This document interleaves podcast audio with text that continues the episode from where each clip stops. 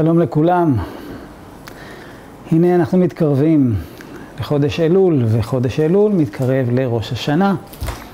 העולם גועש, הכל זז ושום דבר עוד לא נח. אבל אנחנו בדרך לרבנו הקדוש, רבי נחמן בן פייגה, שאמר לבוא אליו בראש השנה. אני שומע כל כך הרבה בלבולים, כל כך הרבה שאלות, כל כך הרבה...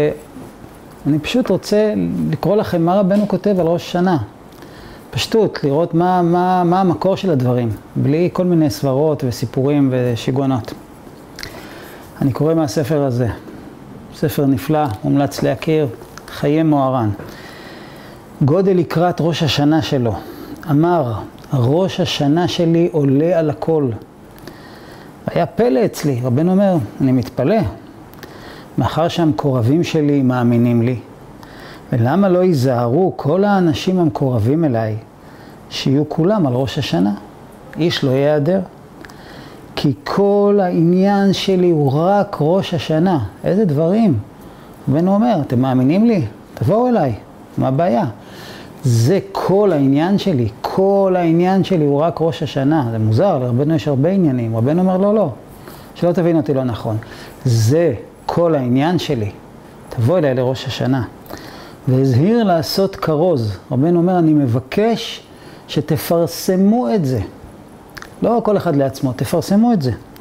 שכל מי ששר אל משמעתו ומקורב אליו, יהיה על ראש השנה אצלו, לא יחסר איש. רבנו אומר, אתה קשור אליי? מאמין לי? קיבלת ממני פעם איזה טובה? תבוא אליי לראש השנה. ומי שזוכה להיות על ראש השנה, ראוי לו לשמוח מאוד מאוד. איכלו מעדנים ושתו ממתקים, כי חדבת השם עמעוזכם. זה נאמר על ראש השנה, זה פסוק שנאמר על ראש השנה. ענה ואמר, הראש השנה שלי הוא חידוש גדול, והשם יתברך יודע שאין הדבר הזה בירושה מאבותיי.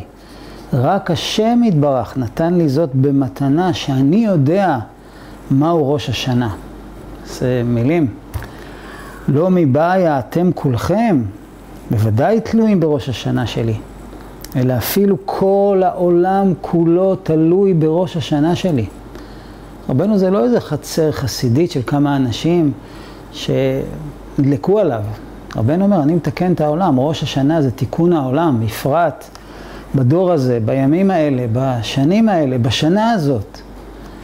זה תיקון כל העולם. רבנו אומר, אני מבקש שתבואו. יש פה סיפור מעניין, רבי נתן מספר, בערב ראש שנה האחרון באומן, ראש שנה האחרון של רבנו בחיים, חיותו בגוף, עמדנו לפניו, ואז הוא שאל על איש אחד שלא הגיע, שלא הגיע לראש שנה. התחיל רבי נפתלי לתרצו, רבי נפתלי התחיל להגיד, הייתה לו סיבה כזאת, היה לו סיבה כזאת, כל אחד יש לו סיבות למה לא להגיע, ולא קיבל הדברים והקפיד עליו מאוד. ואחר כך דיבר עוד מאחד שלא בא על ראש השנה מחמת ריבוי מניעות. היה עוד אחד שהיה לו הרבה קשיים. מחמת זה נסע לרבנו ז"ל קודם ראש השנה וסיפר לו המניעות, הוא בא לרבנו ואמר לו, תשמע, יש לי, עובר עליי, יש לי קשיים. וציווה לו רבנו ז"ל בעצמו לשוב לביתו ולא יהיה אצלו על ראש השנה. רבנו אמר לו, אתה צודק, תחזור הביתה. וזה האיש היה מגדולי החשובים, זה היה הרב אהרון מברסלב, שאמר לרבנו, אני אחראי על ברסלב, יש שם שאלות שאני צריך לענות, אני צריך להיות נוכח, אני הרב של המקום. אני, אז איך אני אוכל לבוא? רבנו אמר לו, אתה צודק, תישאר, אתה לא יכול לבוא. והיה צר לו מאוד מה שלא יזכה להיות נמנה עמנו בראש השנה, הרב אהרון מברסלב היה מאוד מאוד מקורב לרבנו, והוא רצה לבוא, הוא רצה לקיים את הציווי. והתחיל להתעקש לפניו ז"ל שלא ישוב לביתו. אז כשהוא בא אליו לפני ראש שנה, הוא התחיל להתעקש, הוא אמר לו, לא, אני חייב להישאר כבר, עכשיו אני כבר נשאר לראש שנה. רק יישאר אצלו על ראש השנה, ולא נתרצה הוא ז"ל בדבריו וגרשו לביתו. רבנו אמר לו, אתה חייב לחזור הביתה, יש לך אחריות, חייב לחזור הביתה. ואז אמר לו רבנו ז"ל, ואז כי הוא כנראה כבר עמד ללכת, רבנו אמר לו, איני יכול לצ... לצייר לעצמי הצער שאתה לא תהיה אצלי על ראש השנה. מה, אתה לא תהיה אצלי אצל ראש השנה? רבנו אמר לו לפני רגע, תחזור הביתה, עכשיו הוא אומר לו, אתה לא תהיה אצלי בראש השנה. אמר לו האיש הזה, אם כן נשאר כאן, רבנו לא הסכים, חוזר הביתה. אחר כך בערב ראש שנה רבנו אמר שעליו יש רחמנות גדולה, כי רצה באמת להיות כאן על ראש השנה. אחר כך אמר בקול חזק מעומק הלב, תזכרו, זה ראש השנה האחרון של רבנו. מה אומר לכם? אין דבר גדול מזה. היינו מלהיות אצלו על ראש השנה. עכשיו רבי נתן אומר, מכלל דבריו הקדושים שדיבר עמנו אז, למדנו כמה דברים. למדנו עוד הפעם עוצם גודל החיוב להיות אצלו על ראש השנה, אף על פי שידענו זאת מכבר. אף על פי כן מריבוי דבריו הקדושים אז בזה ומתנועותיו הנוראות אז, הבינו עוצם החיוב יותר ויותר שאי אפשר לבאר זאת בכתב. וגם אז למדנו, אומר רבי נתן, רבי נתן הוא הבן אדם, הוא הצדיק, שרבנו הסמיך אותו לומר בשמו. רבי נתן זה רבנו. למדנו שרצונו חזק להיות אצלו באומן על ראש השנה תמיד לאחר הסתלקותו, ושאין דבר גדול מזה. רבי נתן אומר, הבנו בבירור שרבנו רוצה שנבוא אליו אחרי שהוא נפטר, תמיד לראש השנה, לאומן. זה כתוב פה מילה במילה, איך אפשר להתחיל להגיד כל מיני סברות, לא, ארץ ישראל זה לא, ורבנו נמצא בארץ, וכל מיני המצאות. כתוב כאן דברים ברורים מפורשים. וגם למדנו כמה צריכים לחזק, לשבר המניעות מדבר שבקדושה. בפרט המניעות מלהיות על ראש השנה, שצריכים לשוברם ביותר ולהיות דווקא על ראש השנה. רבי נתן אומר, יש מניעות, יש בלבולים, יש הפרעות, כמו שאנחנו רואים עכשיו. חשבנו שזה כבר נגמר, נוסעים לראש שנה, אז אין בעיה, בואי ראש שנה, לא. לא, פתאום זה נהיה מאתגר, פתאום זה נהיה לא פשוט. איזה קדושים, עם ישראל. עכשיו ברגע זה, עוד לפני ראש חודש אלול, יש בראש השנה, יש באומן כבר עכשיו למעלה משלושת אלפים איש, משפחות, באים עם סירות נפש. איזה קדושה, איזה תיקון. אומר רבי נתן, יש כאלה מניעות על ראש השנה, שאפילו אם רבנו בעצמו יגיד לך לא לבוא, אל תשמע אליו. עד שאפילו אם הוא בעצמו מצווה ומסכים לבלי להיות אצלו על ראש השנה. חלילה להסתכל על זה. ככה רבי נתן אומר. עכשיו, רבינו, רבינו מביא פה עוד משהו, אני קורא פה מקום אחר בחיי מוהר"ן. ואמר שכל עסקו הוא רק ראש השנה. והפליג אז מאוד מאוד להיות אצלו בראש השנה. וזה, אומר עוד פעם רבי נתן מדגיש, וכל זה היה בראש שנה האחרון באומן, שדיבר עמנו זאת, וגם הזהיר הרבה. ואמר שהוא מזהיר ומצווה לכל מי שרוצה לשמוע ולציית לו, שיהיה אצלו על ראש השנה. אין פה, אין פה הרבה מה להבין, אני חושב. רוצה לקרוא לכם עוד משהו שרבנו אמר בעניין הזה של ראש שנה. אז זה היה במקום הקודם שקראתי רגע.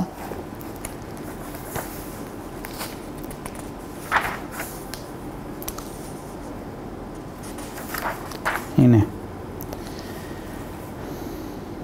אמר שיכולים אז, בראש השנה, לקב... אנשים יכולים לקבל תיקונים מה שבכל השנה לא היה באפשר שיהיה להם תיקון בשום אופן, אף על פי כן בראש השנה, מי שבא אליו לאומן בראש השנה, יכולים לקבל גם הם תיקון, אף על פי שבכל השנה אפילו הוא בעצמו זה לא יכול לתקנם. איזה מצב ואיזה בן אדם זה צריך להיות, שרבנו בעצמו לא יכול לתקן אותו. אבל בראש השנה גם הם יכולים לתקן, לקבל תיקונים. כי אמר שהוא עושה בראש השנה עניינים ותיקונים, מה שבכל השנה גם הוא אינו יכול לעשות. וככה סתם קצת לסבר את האוזן, מה רבנו יכול לעשות, לא בראש השנה, מה רבנו יכול לעשות. אני קורא גם מחיי מוהר"ן מקום אחר. אמר לאחד, שהכוח שהיה לדוד המלך עליו השלום לומר שמונה פעמים אבשלום בני בני על ידי זה העלה אותו משבעה מדורי גהנום והכניסו לגן עדן, כמו שאמרו רבותינו ז"ל, זה הכוח, יש לו גם כן, שהוא יכול זאת גם כן, להעלות בדיבורו בעלמא את האדם מכל השבעה מדורי גיהנום ולהכניסו לגן עדן. קשה לתפוס במה מדובר. אבשלום היה רשע שאי אפשר לתאר ולשער. מי זה, איך אפשר להגיע לשפל מדרגה כזאת, שאדם רוצה לרצוח את אבא שלו, ואבא שלו זה גם משיח שממנו תיקון העולם. אז באמת כשאבשלום נהרג, אז הוא הגיע כמובן ישר למדורי גיהנום הכי נמוכים, ולך תדע כמה אלפי שנים היה צריך לבלות שם. ודוד המלך העלה אותו והוציא אותו משם. כמה זמן לקח לו להוציא את הנשמה הגרועה והנמוכה של אבשלום מתוך הגהני גיהנום? כמה זמן זה לקח לו? איך הוא עשה את זה? הוא אמר, אבשלום, אבשלום, בני, בני, אבשלום, בכה עליו. וחז"ל אומרים שהוא אמר שמונה פעמים או אבשלום או בני, ביחד שמונה פעמים שהוא אמר שמונה פעמים בני אבשלום, אבשלום, אבשלום וכן הלאה, הוא הוציא אותו משבעה מדורי גיהנום והכניס אותו לגן עדן. כמה זמן זה לוקח? אולי שתי שניות. רבנו אומר, גם לי יש את הכוח הזה, במילים ספורות, ברגעים ספורים, להוציא את הבן אדם מהגהני גיהנום, מהשאול תחתיות, במקום הכי נמוך שיש בעולם, ולהכניס אותו לגן עדן. זה ברגיל אצל רבנו, לפני ראש השנה. רבנו אמר, בראש שנה אני יכול לעשות דברים יותר גדולים. כמובן, אין לנו הבנה בכלום, אבל זה מה שרבנו אומר. אבל זה לא רק מה שאנחנו נרוויח, יש פה, יש פה עוד הרבה מאוד דברים. קודם כל, הדבר הפשוט. רבנו כל כך הרבה נותן לנו, מציל אותנו, מעודד אותנו, מחיה אותנו, הוא לא מבקש שום דבר. דבר אחד הוא מבקש, תבואו אליי לראש השנה. תבואו אליי לראש השנה. זה מה, ש... מה שרבנו מבקש. הוא לא מבקש אה, עוצמות, רוחניות, עבודות השם מופלגות, גם כשאתה בא. אדם יכול להגיד, תראה, אני בא, אבל אה, קשה לי, לא מסתדר לי, אין לי מקום, כל מיני דברים מהסוג הזה. אז רבנו אמר, בואו אני רוצה למצוא את זה רגע.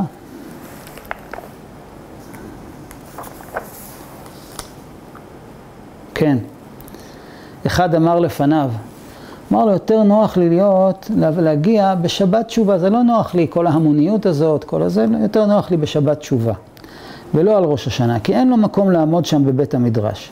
גם אין לו אכסניה טובה לאכול וללון, זה לא, לא, לא נוח לו, לא נוח לו. מחמת דעתו מבולבלת מאוד, ואינו יכול להתפלל בכוונה. על כן, היה טוב לפניו יותר להיות אצלו בזמן אחר ולא בראש השנה. הוא אמר לרבנו, אני אבוא בזמן אחר, יהיה לי יותר יישוב הדעת, פחות לחץ, אני אתפלל יותר בכוונה. לכאורה, זה, זה עדיף, אני אהיה יותר מיושב, אני אהיה יותר מחובר, יותר טוב, לא? ככה נראה. הוא אמר את זה לרבנו. השיב לו רבנו בזה הלשון, אם לאכול, אם לא לאכול, אם לישון או לא לישון, אם להתפלל או לא להתפלל. כלומר, להתפלל בכוונה, לא להתפלל בכוונה. אך ורק שתהיו אצלי על ראש השנה, יהיה מה שיהיה. רבנו אומר, לאכול, לא לאכול, לישון, לא לישון. שטויות. תפלל כמו שאתה רוצה, לא... אני צריך אותך שתבוא. זהו, כמובן, אם אתה בא, ת, תעשה מה שאתה יכול, זה לא בא להסתכל על התקרה, אבל, אבל מה שאני צריך זה שתבוא, בפשטות. עכשיו, מוסיף המסדר, ובאמת כל הדברים הללו הם רק דמיונות ופיתויים של הבעל דבר, כי תהילה לאל נראה בחוש. שעל פי רוב מתפללים יותר בכוונה בקיבוץ הקדוש ממה שהיה מתפלל בביתו. אז גם זה גם לא נכון, גם יש שם, יש כל מה שצריך, לא חסר שם שום דבר. אבל לא בשביל זה אנחנו באים, אנחנו באים לקיים את הרצון של רבנו.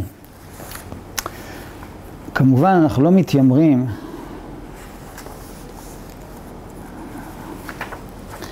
אנחנו לא מתיימרים אה, להסביר את רבנו למה הוא רוצה שנבוא. אבל רבנו נתן לנו קצת הסברים. הוא אמר, אני קיבלתי מתנה את ראש השנה, ראש שנה זה העניין שלי. ראש שנה זה יום הדין, רבנו ממתיק דינים, רבנו מתקן את העולם, רבנו מביא רחמים לכל מי שבא ולכל אחד מהנשמות שקשורות אליו ולזרעו עד סוף הדורות ולכל העולם. מה, מה זה תורם שאני בא? מה זה תורם שכל אחד בא? אולי אם יבואו אנשים רציניים, אנשים גדולים, אז זה שווה, זה חשוב שיבואו אנשים גדולים, שיעשו שם איזה פעולות, אה, יהיו שותפים לאיזה דבר גדול שרבנו עושה, אבל מה זה משנה, אני כאילו, מה אני כבר, מה אני יכול לתרום? רבנו אומר, אתה תתרום את עצמך. ויש סיפור מפורסם, שעל שני אנשים שלא הגיעו לראש שנה האחרון הזה שהזכרנו, שרבנו דיבר על זה, שחשוב לבוא אליו גם אחרי פטירתו וכולי, אז היו שני אנשים שלא הגיעו לראש שנה. אחד זה היה הרב אהרון, הרב של ברסלב, שהוא ודאי היה צדיק גדול ועצום, רבנו אמר, אם אנשי ברסלב היו יודעים את הגדולה של הרב שלהם, הם היו מנשקים את הפרסות של הסוסים שהביאו אותו לשם. אדיר שבאדירים, הרב אהרון מברסלב. והיה עוד איזה אחד שקראו לו ברלה, איזה יהודי פשוט מוכר בצל, גם התעכב בסחורה שלו ולא הגיע לאומן. לכאורה, לכאורה לפי העיניים שלנו, כאילו, אם הרב אהרון מגיע, אז יש לזה משמעות ומשקל, אבל אם איזה אחד מוכר בצל מגיע, יהודי פשוט, לא משהו מיוחד, מה זה משנה? אבל רבנו אמר, בראש שנה האחרון, רבנו אמר, ארלה לא פה וברלה לא פה. לקח שני אנשים שלא הגיעו, אחד באמת אדם גדול ומופלג, שני בן אדם מאוד מאוד פשוט, רבנו אמר, אני מצטער שהוא לא בא, אני גם מצטער שהוא לא בא. רבנו בא ואומר, אני צריך שיבואו, לא משנה אם אתה גדול או צדיק או קטן, לא משנה מה, אני צריך שאתה תבוא.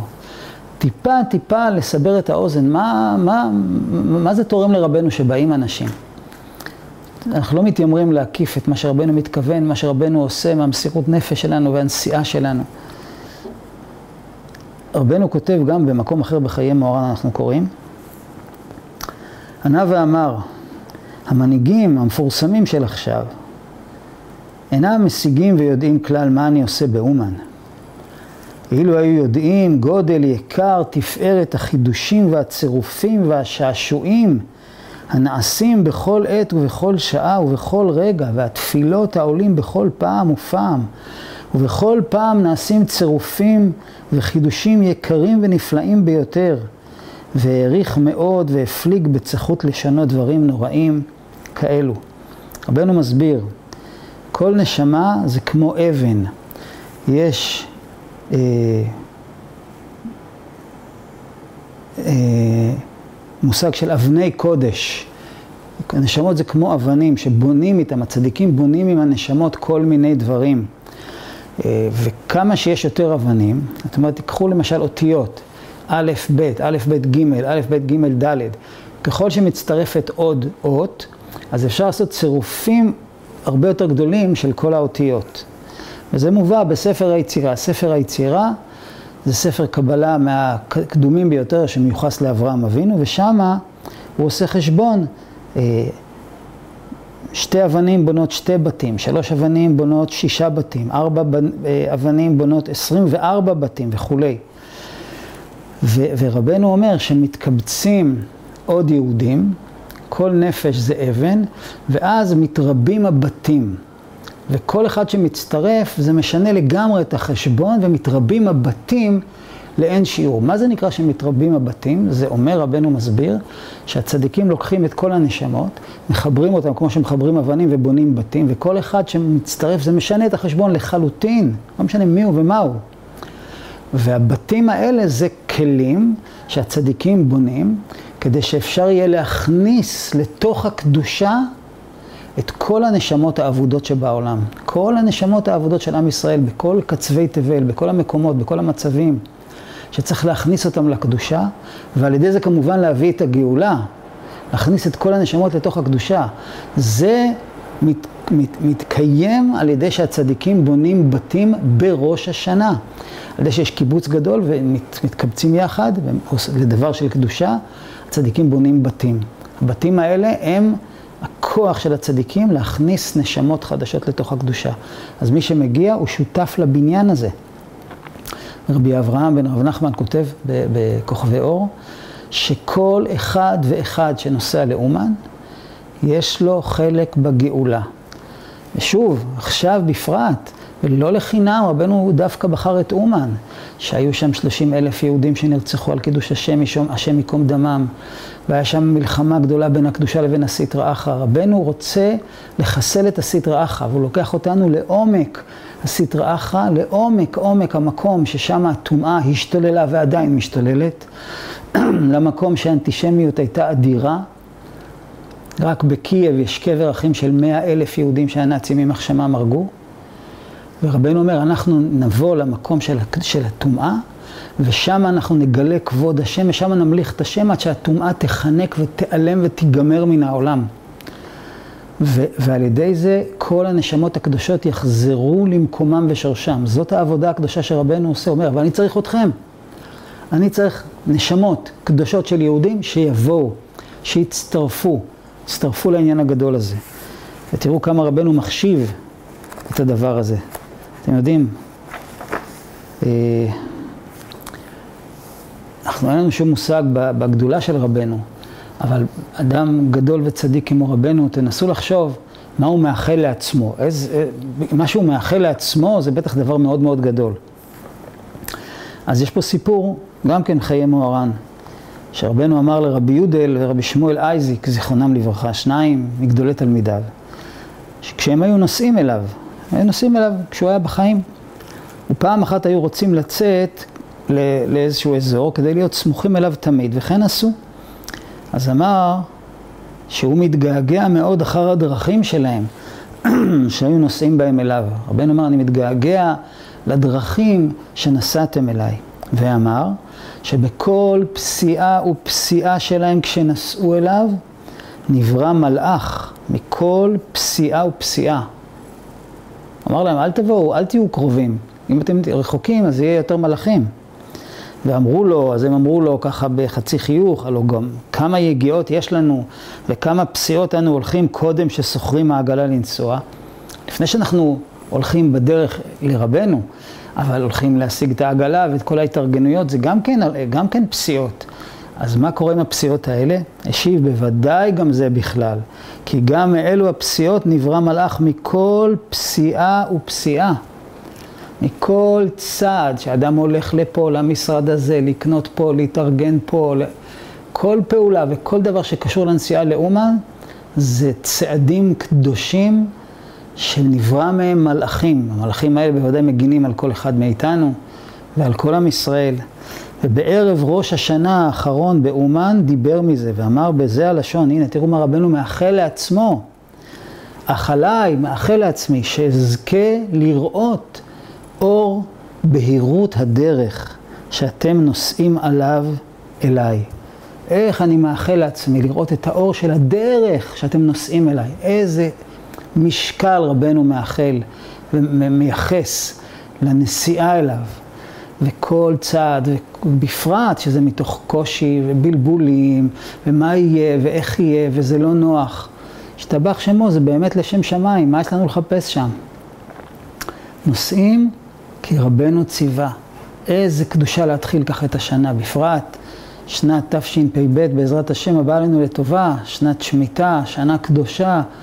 מי יודע איזה תמורות, איזה ניסים ונפלאות התחוללו בעולם, ואנחנו הולכים להתפלל בעזרת השם שנזכה, להתפלל באומן. מלוך על כל העולם כולו בכבודיך. רוצים שהקדוש ברוך הוא יתגלה וימלוך על כל העולם. ממילא, וזו תפילה שהולכת ומתחזקת כל יום וכל שעה, והרשעה כולה כעשן תכלה, כי תעביר ממשלת זדון מן הארץ. וכל פסיעה שלנו לאומן בראש השנה מקרבת את הגאולה הזאת, מקרבת את הקיום של התפילה הזאת, בעזרת השם שנזכה לראות את זה בקרוב ממש.